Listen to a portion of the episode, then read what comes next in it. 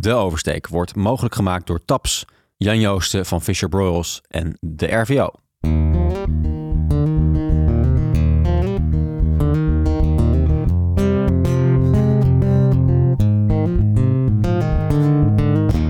Dit is de oversteek seizoen 3, The Pacific. Vorig seizoen daalde ik af naar het zuiden van de VS, naar Florida. Een markt met heel veel mensen waar sport echt uh, heel groot is. En naar Texas. I'm excited to announce that we're moving our headquarters to Austin, Texas. Ik ging daarheen omdat veel bedrijven in Amerika de move naar the South maakten.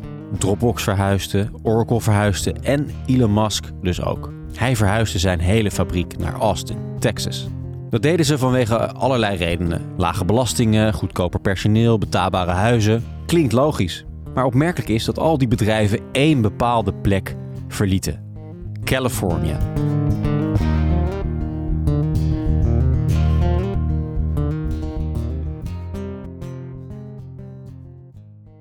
Ja, als zulke grote bedrijven weggaan, is er toch iets aan de hand.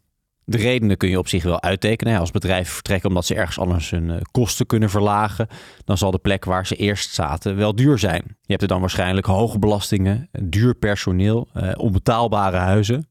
Maar goed, Californië blijft een plek waar enorm veel investeerders zitten eh, en nog steeds heel veel bedrijven. Die gaat er niet zomaar weg je moet niet onderschatten, California op zichzelf als economie hoort gewoon in de G7 thuis. Je hoort hier Jacob Willemsen van TAPS. Dat is een bedrijf dat Nederlandse bedrijven helpt om de oversteek te maken. En je hoort hem later in deze aflevering en ook in volgende afleveringen. Maar eerst is het hoog tijd om zelf uit te gaan zoeken hoe het op dit moment zit met de aantrekkingskracht van de Pacific.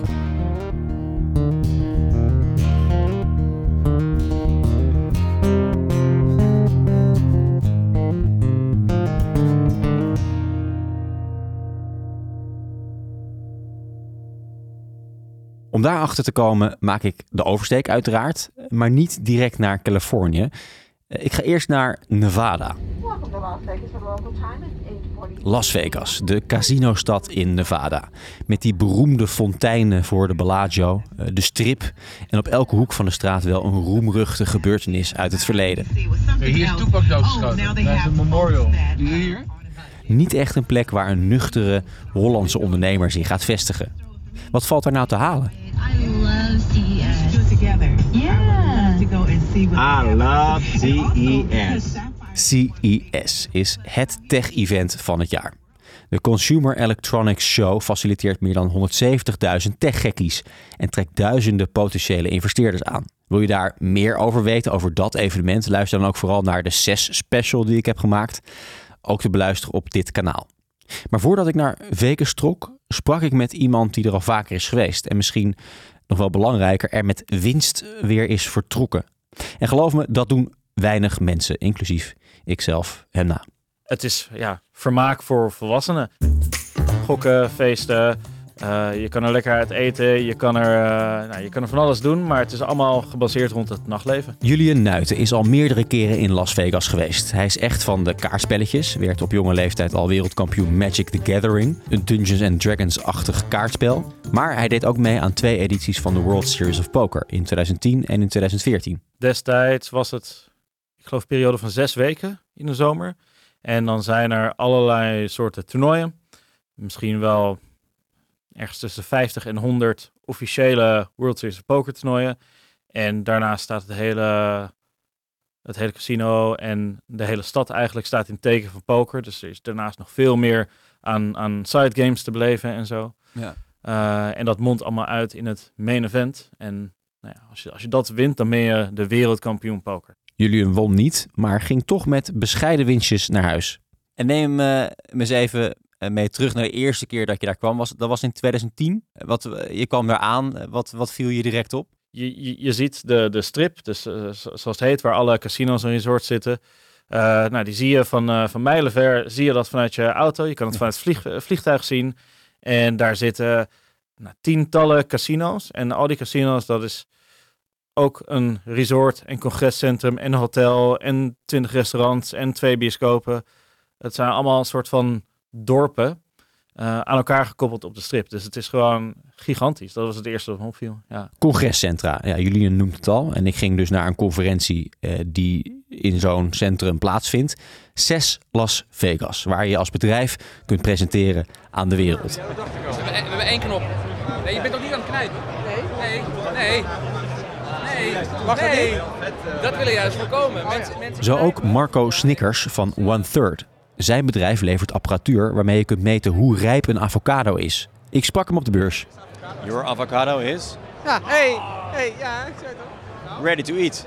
Ja, leuk hè. De- hier eh, zijn we aan het eh, kijken hoe ver en hoe rijp een avocado is. En op dit moment kunnen we dat eigenlijk alleen maar door erin te knijpen. Maar het probleem is dat je dan eigenlijk de avocado beschadigt. Ehm, en uiteindelijk moet de winkelier heel veel avocados weggooien, omdat de consumenten ze gewoon niet meer kopen. Eh, maar wat je ook niet wil als consument is dat je er eentje ne- meeneemt, hem opensnijdt en dat hij nog te hard is. Hè? Dus Daar moet een oplossing voor hebben. daar moet een oplossing voor zijn. En daarom hebben wij een, een scanner ontwikkeld waar de consument in de winkel heel snel kan uitvinden wat de rijpheid is van die avocado. Dus dat ze kunnen zeggen, deze is goed voor vandaag. Of deze kan ik over een paar dagen gebruiken. En dan heb je nooit meer verrassingen. En je staan hier ook wel op de beste plek van de conferentie, of niet? Het is niet normaal, het is echt een soort van kruispunt waar iedereen langskomt. Ja, daar hebben ze ons wel een goed plekje gegund eh, hier op het Nederlands paviljoen. We hebben ook een innovatie award gewonnen. En, en dus we hebben heel veel aanloop. En eh, ja, Allemaal wel eerlijk gegaan dat jullie die plek hebben gekregen hier. Eh, ik heb er niks voor betaald en eh, men zegt dat het eerlijk is gegaan. Dus ik ga ik vanuit. Maar we zijn super blij waar we staan en ook super blij met de reacties van de mensen hier om ons heen. Op zoek naar eh, klanten dus. Eh, maar zou de oversteek voor jullie ook een optie zijn? Ehm, wij blijven een Nederlands bedrijf. Eh, Nederland is natuurlijk een voedselland en we hebben daar, kunnen daar ook heel goede, goede talenten vinden.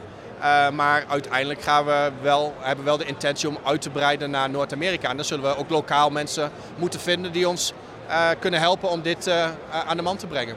Interessant. Je zegt Noord-Amerika. Wat bedoel je daarmee? Noord-Amerika is dus Amerika en eh, Canada. En eh, we zijn al in Canada bezig met pilots. Dus we hebben daar al eh, contacten met een goede retailer. En dat gaat eigenlijk heel erg succesvol. Dus daar zijn echt wel plannen voor om ook lokaal daar mensen neer te gaan zetten. Maar goed, je bent nu in Vegas. Zou je daar graag willen wonen? Absoluut niet. het, is, het is hier één grote kermis. Er zijn zo... Echte kermis, hè? Ja, nee, echt waar. En, en eh, we zijn hier omdat de beurs hier is, maar er zijn zoveel mooie plekken in Amerika. Ik heb zelf ook drie jaar in Amerika gewoond. Waar dan? Eh, in Florida, in Tampa. En eh, dat was geweldig, maar ook ja, er is zoveel mooie natuur. Dus er zijn, ik ga liever naar een iets rustigere plek, maar hier even kanalen is wel gaaf.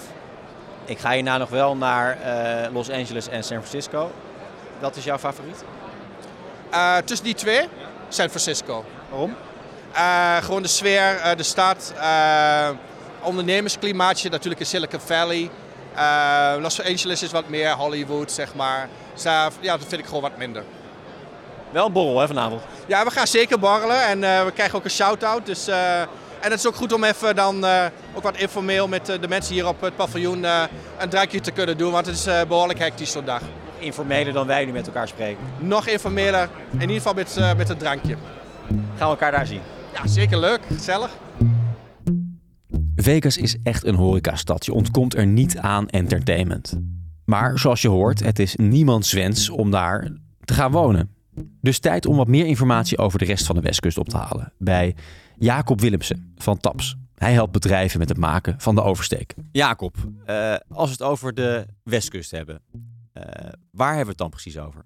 Gevoelsmatig heb je bij de Westkust eigenlijk over Washington, Oregon, California. Tuurlijk kan je zeggen dat daar Nevada, Utah eh, ook bij horen en wat andere staten. Maar voor mijn gevoel en ook qua cultuurbeleving eh, is, zijn het vooral die drie staten. Nevada, kun je dat nog eh, de Westkust noemen? Feitelijk wel. Binnen, als je een beetje een roadshow doet, dan heb je Nevada, mag je niet missen. Het is een enorm aantrekkelijke regio om te ondernemen. Waarom is dat nou precies? Je moet niet onderschatten, California op zichzelf als economie hoort gewoon in de G7 thuis. Het is een enorme economische powerhouse. Het is qua consumentenmarkt is het heel interessant. eh, ook om producten door te ontwikkelen of überhaupt te ontwikkelen. Eh, dus voor veel Nederlandse bedrijven is dat een, een mooie combinatie. Nou, een mooie plek dus om je business naar uit te breiden. Eh, moet je ook daadwerkelijk daarheen als Nederlands bedrijf als je daar gaat zitten? Ja, het korte antwoord ja. überhaupt heb je al een entiteit nodig. Maar als je echt optimaal gebruik wil maken van de potentie, dan heb je ook een team daar nodig. Je hebt boots on the ground nodig. Het is een afstand van, uh, uh, van 9 uur tijdsverschil. Ja. Maar het is ook 10 uur vliegen. Um, dat, dat kan je niet uh, zomaar vanuit Europa blijven doen. New York zou je nog wel kunnen doen, eventueel, maar... Ja, er zijn zat mensen die New York even doen. Uh, dagje vliegen, dagje New York, dagje terug. Ja, als je dat met Californië doet, het kan natuurlijk fysiek wel. Maar ik denk dat je dan al vrij snel opbrandt. Um, nou ja, het is dus een enorme economie. Uh, dus waarschijnlijk ook met een enorme afzetmarkt. maar goed, in het vorige seizoen hoorden we dat ook veel ondernemers van het westen naar het zuiden trekken. Waarom is dat dan? Ik denk dat veel bedrijven doorhebben dat ze, als ze echt uh, hun focus op ontwikkeling hebben um, en nog niet aan de revenue kant zitten, ja, dan begint, uh, begint Californië wel heel erg duur te worden. De, de huizenmarkt, de salarissen. Uh, het is echt uh, in, de, in de laatste jaren is dat zo exponentieel gestegen. Dat veel bedrijven om die reden naar een Austin of naar een, een Florida zijn uitgeweken. Ja, wat betaal je ongeveer voor een, voor een sales manager als je je daar aanstelt aan de westkust? Ik denk dat een goede sales manager aan de westkust met zijn bonussen, die krijg je niet voor, voor minder dan 350.000. Nee. Nou is het voor heel veel Nederlandse bedrijven, Europese bedrijven aantrekkelijk om naar de westkust te gaan. Maar wanneer is dat nou het beste moment? want het is natuurlijk een enorme start-up cultuur. Dus nou, er zijn investeerders die daar rondlopen. Dus je kan al vrij vroeg gaan. Aan de andere kant hoor ik ook vaak, ja, als je naar Amerika gaat, moet je ook al wel wat vet op de botten hebben. Wanneer moet je daar nou naartoe? als je nog in de fase zit van productontwikkeling uh, en het, het customizen of, of uh, verder Amerika veeg maken van een, van een software of van een product, uh, dan moet je inderdaad echt wel wat vet op het bot hebben. Um, want je bent nog geen geld aan het ophalen. Hè? Je, bent nog niet aan het verkopen. je zit nog in een conceptfase. dan is misschien de Westkust wel de plek waar je human capital hebt. Maar dan moet je inderdaad wel met een, een, een zak geld uh, klaarstaan. Heb je al zien gebeuren dat ze te vroeg zijn gegaan? Ja. Ja, en, en dan vragen wij ook wel eens van... hey, je bent anderhalf jaar verder, je trekt nu de stekker eruit. Waarom ben je überhaupt ooit begonnen? Want na anderhalf jaar de stekker eruit trekken omdat het geld op is... dan had je niet moeten beginnen. Um, tuurlijk, het, het, gaat sneller dan veel bedrijven uh, ooit verwacht hadden. Die portemonnee die is zo leeg. En als we dan even ingaan op de, op de zakelijke cultuur daar. Um, New York hebben behandeld. Het zuiden is alweer een stuk anders. Nou, dan schrijven we nog een stukje op naar het westen. Is de zakelijke cultuur daar ook daadwerkelijk anders? Ik denk dat de zakelijke cultuur, dat er twee dingen apart gaan. Eén is de fundraising en, de visiewereld. Uh, ik denk dat daar de verschillen wat minder groot zijn met, met uh, New York. Um, maar aan de B2B gewone kant, dus als je je product probeert te verkopen, heb ik zelf een beetje het idee dat het veel Aziatischer is. Uh, ligt het dichter bij Azië? Het ligt dichter bij Azië, meer uh, natuurlijk uh, instroom van, van Aziatische immigranten. Ik heb af en toe het idee dat daar toch ook nog een beetje het gevoel heerst van ja knikken, maar nee doen. Als we kijken naar Nevada, ligt niet direct aan de kust, maar mogen we dus volgens jou wel tot de westkust rekenen. Las Vegas, uh, dat is een plek waar uh, veel Nederlandse ondernemers, als ze al aspiraties hebben om naar de Westkust te gaan, een keer zijn geweest. Omdat je daar de grote zesbeurs hebt. maar het is niet echt een plek waar ondernemers zich vestigen, of wel? Nee, het wordt inderdaad veel meer gezien als een, een convention town. er is een fantastische combinatie natuurlijk van zakelijk en, en een mooie experience. Ik ga er ook graag naartoe. Maar ja, als je nou kijkt naar het aantal Nederlandse bedrijven dat zich feitelijk in Nevada vestigt, uh, of een hoofdkantoor heeft in Nevada, die is op één hand te tellen. Um, een mooi voorbeeld is uh, Economic Ties van het ministerie van Buitenlandse Zaken.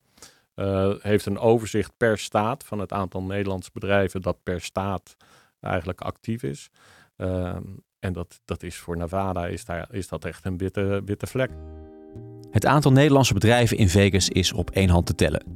Als we het hebben over economic ties, dan staat, je raadt het al, New York op één en Californië op twee. In de volgende aflevering met de naam Los Angeles meer over die staat. Omdat Vegas voor veel bedrijven een gateway is naar de westkust, een kans om er kort en intens aan te proeven, is ook Jan Joosten van Fisher Broyles daar aanwezig. Hij helpt bedrijven die de oversteek maken met juridische zaken. Je kent hem wel uit eerdere seizoenen. Jan, ja, normaal zien we elkaar ehm, in New York, uh, want daar woon jij. Uh, een keer bij je thuis opgenomen, maar ook uh, op je oude kantoor. En nu helemaal aan de andere kant. Wat doe je hier? Ja, hier komen allerlei bedrijven langs die op zoek zijn naar nieuwe technologische ontwikkelingen. Er lopen investeerders rond. Uh, iedereen die ertoe doet, die is hier. En even dan vanuit het perspectief van de investeerder. Hoe gaat die dan te werk op zo'n conferentie? Is er een soort van programmaatje dat hij dan doorkijkt? Ah, dat is misschien wel interessant. Ga ik eens even kijken. Het product ga ik even uitproberen. En die komt dan langs. En als hij iets ziet zitten, denkt hij, nou, dit is misschien een investering waard. Gaat het zo? Ja, precies. Uh, ja, dat, dat was, een wilde, was een wilde gok, maar... Ben jij nou de interviewer? ja, nee, zo gaat het. Dus uh, de investeerders lopen rond en ze kijken wat ze leuke ideeën vinden en wat mooie technologie is. En natuurlijk bij een start-up is altijd heel belangrijk wat voor team erachter zit, dat je daar een gevoel bij krijgt. Uh, ja, en dan misschien kunnen ze tot zaken komen. Als het gaat om investeringen kan het dus zijn dat een Amerikaanse investeerder zegt ik wil wel in jouw start-up investeren. Maar misschien willen ze wel niet in een Nederlandse BV investeren. En in plaats daarvan dat ze zeggen uh, vorm jij jezelf eerst maar om tot een Delaware Corporation en dan wil ik in je investeren. En daar spreken hier natuurlijk veel ondernemers op deze conferentie. Waar zitten zij nou mee? Met welke vragen komen ze naar je naartoe? Ja, de eerste vraag is vaak uh, hoe gaat dat nou uh, juridisch zaken doen in de Verenigde Staten? Uh, en een van de belangrijke juridische verschillen is dat uh, in Nederland ken je redelijkheid en billijkheid als je een contract moet interpreteren. En in de Verenigde Staten ken je dat eigenlijk helemaal niet. Uh, waar het om gaat is de letter van het contract. Hè, wat er in de vier hoeken van het contract opgeschreven is, dat is wat geldt tussen partijen. En als jij dat gewoon slecht onderhandeld hebt, of je hebt het contract niet gelezen, of je hebt het allemaal niet begrepen, ja, dat is eigenlijk je eigen fout. En dan moet je zelf maar op de blaren zitten. Daar zal een Amerikaanse rechter je niet, uh, niet komen redden ja, ze vragen mij vaak, ja, wat zijn de valkuilen? Ik denk, een, het is misschien niet echt een juridische valkuil, maar een praktische valkuil is dat je de verkeerde persoon in de Verenigde Staten inhuurt. Ik ben al heel vaak ingeschakeld uh, door een bedrijf dat zegt, oh, ik moet echt zo snel mogelijk een vennootschap opzetten en een arbeidscontract hebben, want we, hebben iemand, we zijn iemand tegengekomen en die gaan we inhuren, die gaat het allemaal voor ons trekken in de Verenigde Staten. En dan vraag ik altijd, goh, uh, waar heb je die persoon dan ontmoet? Deze beurs. Nou, dat is inderdaad vaak op een beurs en dat is geen goed teken. En dan heet hij ook nog vaak Bob. Uh, en uh, Bob vraag ik dan altijd, kan die heel goed presenteren? Ja, dat kan die heel goed. Nou, dat kunnen alle Bobs, kan ik je vertellen. Uh, want dat kunnen alle Amerikanen goed. Dat leren ze van jongs af aan. En dat is, ja, dat is dus heel vervelend als je daar de verkeerde personen inhuurt. en ja, vaak ben ik dan twee jaar later die persoon weer aan het ontslaan. En dan heb je natuurlijk een heleboel geld verloren. Maar belangrijker is, je hebt twee jaar tijd verloren. En dat kan heel lastig zijn voor een uh, uh, start-up in deze fase. Maar het is wel redelijk eenvoudig om in de VS van werknemers af te komen, toch? Het is makkelijker dan in uh, Nederland. Het is niet zo makkelijk als je soms op tv ziet, dat je iedereen maar gelijk eruit kan gooien. Ten eerste moet je je natuurlijk aan je contractuele afspraken houden. en ten tweede mag je in de Verenigde Staten niet discrimineren. Uh, dat mag in Nederland ook niet. Maar in Amerika, als je daarvan beticht wordt, dan kan je heel makkelijk een advocaat inhuren op no cure, no pay basis. En die advocaat die uh, mag dan door een zogenaamde discovery procedure uh, kunnen ze alle relevante informatie bij de werkgever opvragen. Dus je hebt veel eerder heb je echt een lastige claim aan je broek dan je misschien in Nederland zou hebben. Je bent hier aan het werk. Ga je wel vanavond naar de borrel? Ik ga zeker naar de borrel. En je wilde niet dat we jou gingen interviewen tijdens de borrel? Nee, dat is geen goed idee, want daar is een heleboel herrie op de achtergrond. Wijn in de mond, wijsheid in de kan. Jan Joosten hoor je ook in de volgende aflevering, waarin hij specifieker ingaat op wetgeving in Californië. Dan strijk ik namelijk neer in Los Angeles, waar ik onder andere Lurch spreek. Lurch, ja, dat is die lange ober uit de Adams Family, die gespeeld werd door een Nederlander. Nou, hoe hij daar terecht kwam hoor je dus in aflevering 2 van seizoen 3 van De Oversteek. Dan eh, voor degenen die volgend jaar naar de 6 in Las Vegas gaan, toch nog even een pokertip van de meester. Handselectie uh, is, uh, is heel belangrijk. Nou, in het meest populaire pokerspel krijg je twee kaarten. En je moet een beetje uh, kunnen inschatten uh, voordat er nog uh, gemeenschappelijke kaarten komen. Voor de flop? Ja, voor de flop moet je kunnen inschatten of die kaarten goed genoeg zijn. tweede is dat je moet realiseren dat, er, um, dat je niet alleen maar geld wint door de beste hand te hebben en een beter paard te hebben dan je tegenstander. Maar er gaat juist heel veel geld heen en weer zonder dat je elkaars kaarten ziet. Want als jij als laatste hebt ingezet en iedereen gooit zijn hand weg, dan win jij wat, wat er in het midden ligt. Daardoor kan je ook bluffen. En, en um, bluffen is een heel belangrijk onderdeel van het spel natuurlijk, omdat in de meeste gevallen heeft niemand iets. Het is best wel moeilijk in poker om, om een full house te krijgen bijvoorbeeld. Dat heb je gewoon niet zo vaak. Die kans is heel klein. Dus je zal ook heel veel moeten winnen met slechte kaarten. Tot de volgende oversteek.